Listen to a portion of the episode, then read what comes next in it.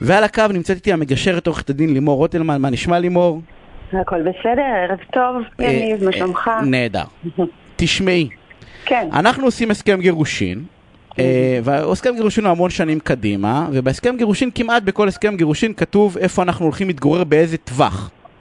כן, ומה לעשות, לפעמים החיים חזקים יותר, ואנחנו מקבלים איזו הצעה נהדרת, נניח, לצורך העניין ניקח דוגמה, אנחנו גרים בחולון, ואנחנו אומרים שאנחנו לא נתרחק 15 קילומטר מאזור המגורים כדי לא לה- להקשות על הילדים, ופתאום יש לי הצעה נהדרת מחיפה, או מחדרה, או מכל מקום אחר שהוא יותר רחוק, והשאלה, איך אנחנו מתמודדים עם רצון כזה? האם המשמעות היא שחתמנו על הסכם גירושין, הוא בעצם שאנחנו בסוג של אה, כלא? אוקיי, אז אה, זו באמת שאלה, שאלה טובה, כי החיים הם דינמיים, כמו שאנחנו יודעים, והרבה זוגות, שנים אחרי שהם חתמו על הסכם וסיכמו את כל התנאים, פתאום השתנו נסיבות החיים שלהם, וכמו שאתה אומר, אחד מקבל הצעת עבודה, לפעמים יש זוגיות חדשה במקום קצת מרוחק, כל מיני סיטואציות רוצים להתקרב לסבא והסבתא שיעזרו וכולי. אז אנחנו מדברים בעצם, זו בעצם התנגשות של זכויות. כי מראש זכותו של אדם לבחור את מקום מגוריו באופן חופשי, יש את חוק יסוד כבוד האדם וחירותו, שמאפשר חופש לבן אדם. מצד שני, על פי חוק הכשרות המשפטית והאפוטרופסות, הורים חייבים לפעול בהסכמה לקביעת מקום המגורים של ילדיהם, אוקיי? יש לבן אדם זכות לקיים קשר רציף ומשמעותי עם ילדיו, אוקיי? אז, אז, אז ו- איך מיישבים, זה בדיוק, איך מיישבים את נכון, הדבר הזה? כאילו, זה נכון, בדיוק נכון. בתחושה שלי, אם אני רוצה להיות אז- בקשר עם הילדים שלי, אני בסוג של... אה, כן, אז בוא, בוא נלך שנייה אחורה, רגע, על ההסכם המקורי. אה, קודם כל חשוב שבהסכם המקורי, נכון, כמו שאמרת, הרבה פעמים מסכימים היום בהסכמים להכניס איזשהו רדיוס, טווח מגורים, שבו יהיו שני הבתים. אה, ואגב, כאשר יש חלוקת זמני שהות נרחבת ושוויונית בין ההורים, יהיה ככל שהיא יותר נרחבת ושוויונית, ככה עדיף יותר לילדים שההורים יתגר... יגורו ברדיוס אה, יחסית אה, קטן. אבל מה שחשוב זה גם לקבוע מראש מנגנון להסדרה. זאת אומרת שאם אחד, אני אלך רגע על הצעד, על, על ההסדרה, ואז נדבר על המקרה שזה כבר קרה. זאת אומרת מראש, אם אחד מהצדדים יתרחק בעתיד, מה תהיה המשמעות של הצעד הזה? כי כמו שאמרנו, החיים הם דינמיים. את בעד לעשות את זה, סליחה שאני מתפרץ לימור, את בעד לעשות את זה כבר בהסכם גירושין? כי זו אה, סיטואציה מה זה מורכבת רגשית, אני שואל נכון. באמת, זה כאילו אם מצליחים נו. לעשות את זה זה מהמם, אבל זה נראית לי סיטואציה מה זה קשה לחשוב עליה כן, מראש. אפשר לקבוע איזשהו מתווה, איזה שהם כללים בסיסיים.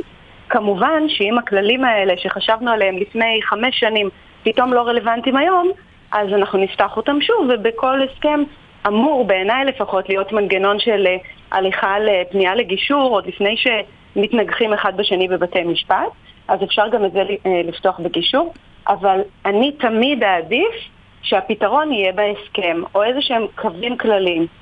אה, זאת אומרת, כן להשקיע למרות כל הקושי, כן. לצורך העניין של רפואה מונעת, לבוא ולהשקיע את ה... גם אם זה כאילו תיאורטי, אבל זה נכון. עדיין נעשה בטוב, אנחנו כבר לצורך העניין מכונסים לטובת פתרונות, אז כן. למצוא למצוא מנגנון שיענה על האתגר הזה.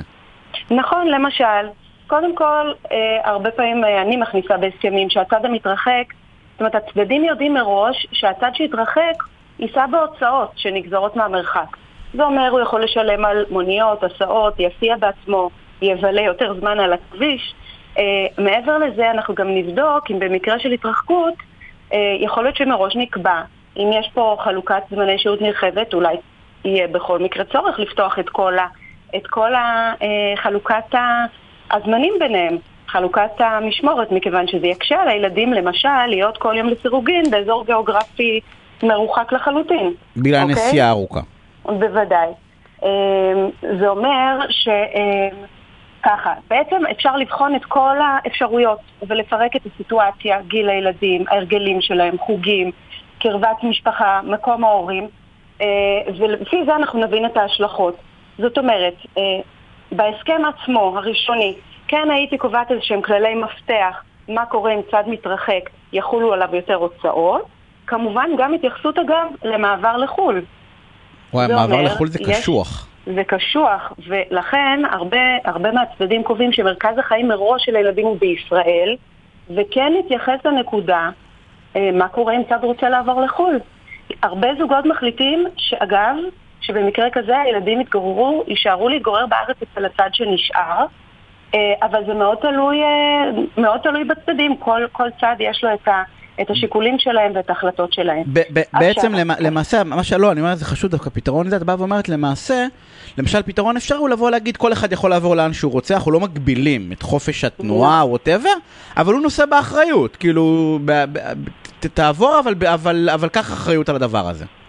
נכון, נכון. אגב, תמיד אה, זוג שהתגרש, זוג שנמצא במחלוקת אחרי הגירושים, כן, אני עברתי כבר לשלב של אחרי הגירושים, ההורים תמיד מודאגים הרי מאיך הפרידה תשפיע על הילדים. נכון. אז כשזוג כזה מגיע לגישור עם מחלוקת כזאת, התפקיד של המגשר הוא לומר להם שזה בעצם ההזדמנות לשאול את עצמנו באמת מה יקרה עם הילדים. בואו רגע, הרי הנטייה של אנשים כשנמצאים באיזושהי מצוקה היא להסתכל על עצמם. המגשר אמור להרחיב להם, להזיז להם את הפוקוס רגע לילדים. מה יקרה עם הילדים אם נעבור עיר, אם נעבור שכונה, לחו"ל או לגור בריחוק?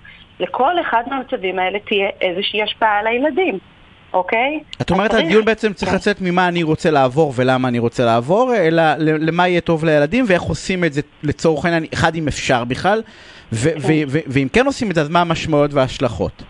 נכון. בדרך כלל מתוך ההבנה הזאת יהיה יותר קל להגיע להסכמות, אוקיי? כי אה, יש חשוב יותר ויש חשוב פחות בחיים, בכל תהליך. אה, ברור לחלוטין שהילדים והבריאות הנפשית והפיזית שלהם הם בגדר החשוב יותר. על זה יש תמימות דעים. אגב, אה, מבחינת אה, בית המשפט, אנחנו מבחינת החוק, הצדדים חייבים להחליט בהסכמה. זאת אומרת, צד לא יכול להתרחק ועדיין להיות במשמורת, נגיד, משותפת, שוויונית ומלאה לילדים, ללא הסכמת הצד השני. וכבר היו מקרים שבתי משפט קראו זה- לצד לחזור. כן, אמרו לו, לא, זה- תעבור אתה, אבל אל אה, תיקח את הילדים איתך. כן, כן. אז אה, אה, כמו שאמרתי, בעצם מדובר בהתנגשות של זכויות, וכן הייתי יושבת עם הצדדים באמת לפרק את כל הסיטואציה ולבחון למה הם רוצים, אחרי שדיברנו על הילדים, כן לבדוק למה הם, למה הם בעצם רוצים, וכמובן, לפעמים אפשר לבדוק את האופציה שגם ההורה השני יעבור למזור, לאזור המגורים החדש. לפעמים זה, זה משהו שיכול לעמוד על הפרק ולשרת את כולם. האמת היא שזו הצעה מדהימה, ו- ולא, ו- ו- ו- ומדהים שאמרת, כי אנשים אומרים, זה בכלל לא עליו, זה בכלל כאילו לא חלק מהדיון. ולפעמים מישהו לא מוכן לעבור לאזור, כי הוא אומר אין לי כסף לשכירות או אין לי משהו. ואז הצד שני בא ואומר, עזוב, אז אני, אני, אני אשלים. נכון? אם, אם, אם הרתיעה היא רק באמת כסף או משהו בסגנון הזה, כי לפעמים מתקרבים לעבודה, אבל זה כאילו בכלל, הרעיון היצירתי הזה בכלל לא עולה על השולחן. כן, אז אה, ולכן מאוד חשוב להגיע לגישור כדי לבדוק את הדברים האלה, כדי שמישהו יעלה את הרעיונות האלה. אז, וכדי אז, שיהיה שיח פתוח, מכבד. ו- ולא רק זה. כי אם את, את מכירה אותי, יודעת שאני נגד פשרות וויתורים, אנחנו פשוט חייבים לסיים, אני רק אגיד משפט אחד, אני אוקיי. אתן לך להשלים, אני בדרך כלל נגד פשרות וויתורים, אני חושב שזה החריג מאוד לכלל שלי, כי הנזק בכפייה של החלטה על תזוזה של הורים או ילדים, הוא כל כך רחב בתוך הדבר הזה, כי ההורה שתכריח אותו להישאר במקום ולא תמצא פתרון, לעד יזכור לך את זה. ושאתה תרצה לקבל משהו בעוד שנתיים או שלוש, אז הפנקס יהיה פתוח. אז, אז חי... זה נושא שחייבים, חייב... על הכל חייבים להגיע בהסכמה, אבל לדעתי זה מה... מהחריגים. נכון, אה, בואי עוד נכון. משפט אחרון לסיכום. אה, בסיכום, הכל בגישור, הכל בהסכמה. ילדים עוברים טראומה בגירושים של הורים. צריך להיזהר לא לגרום להם עוד טראומה.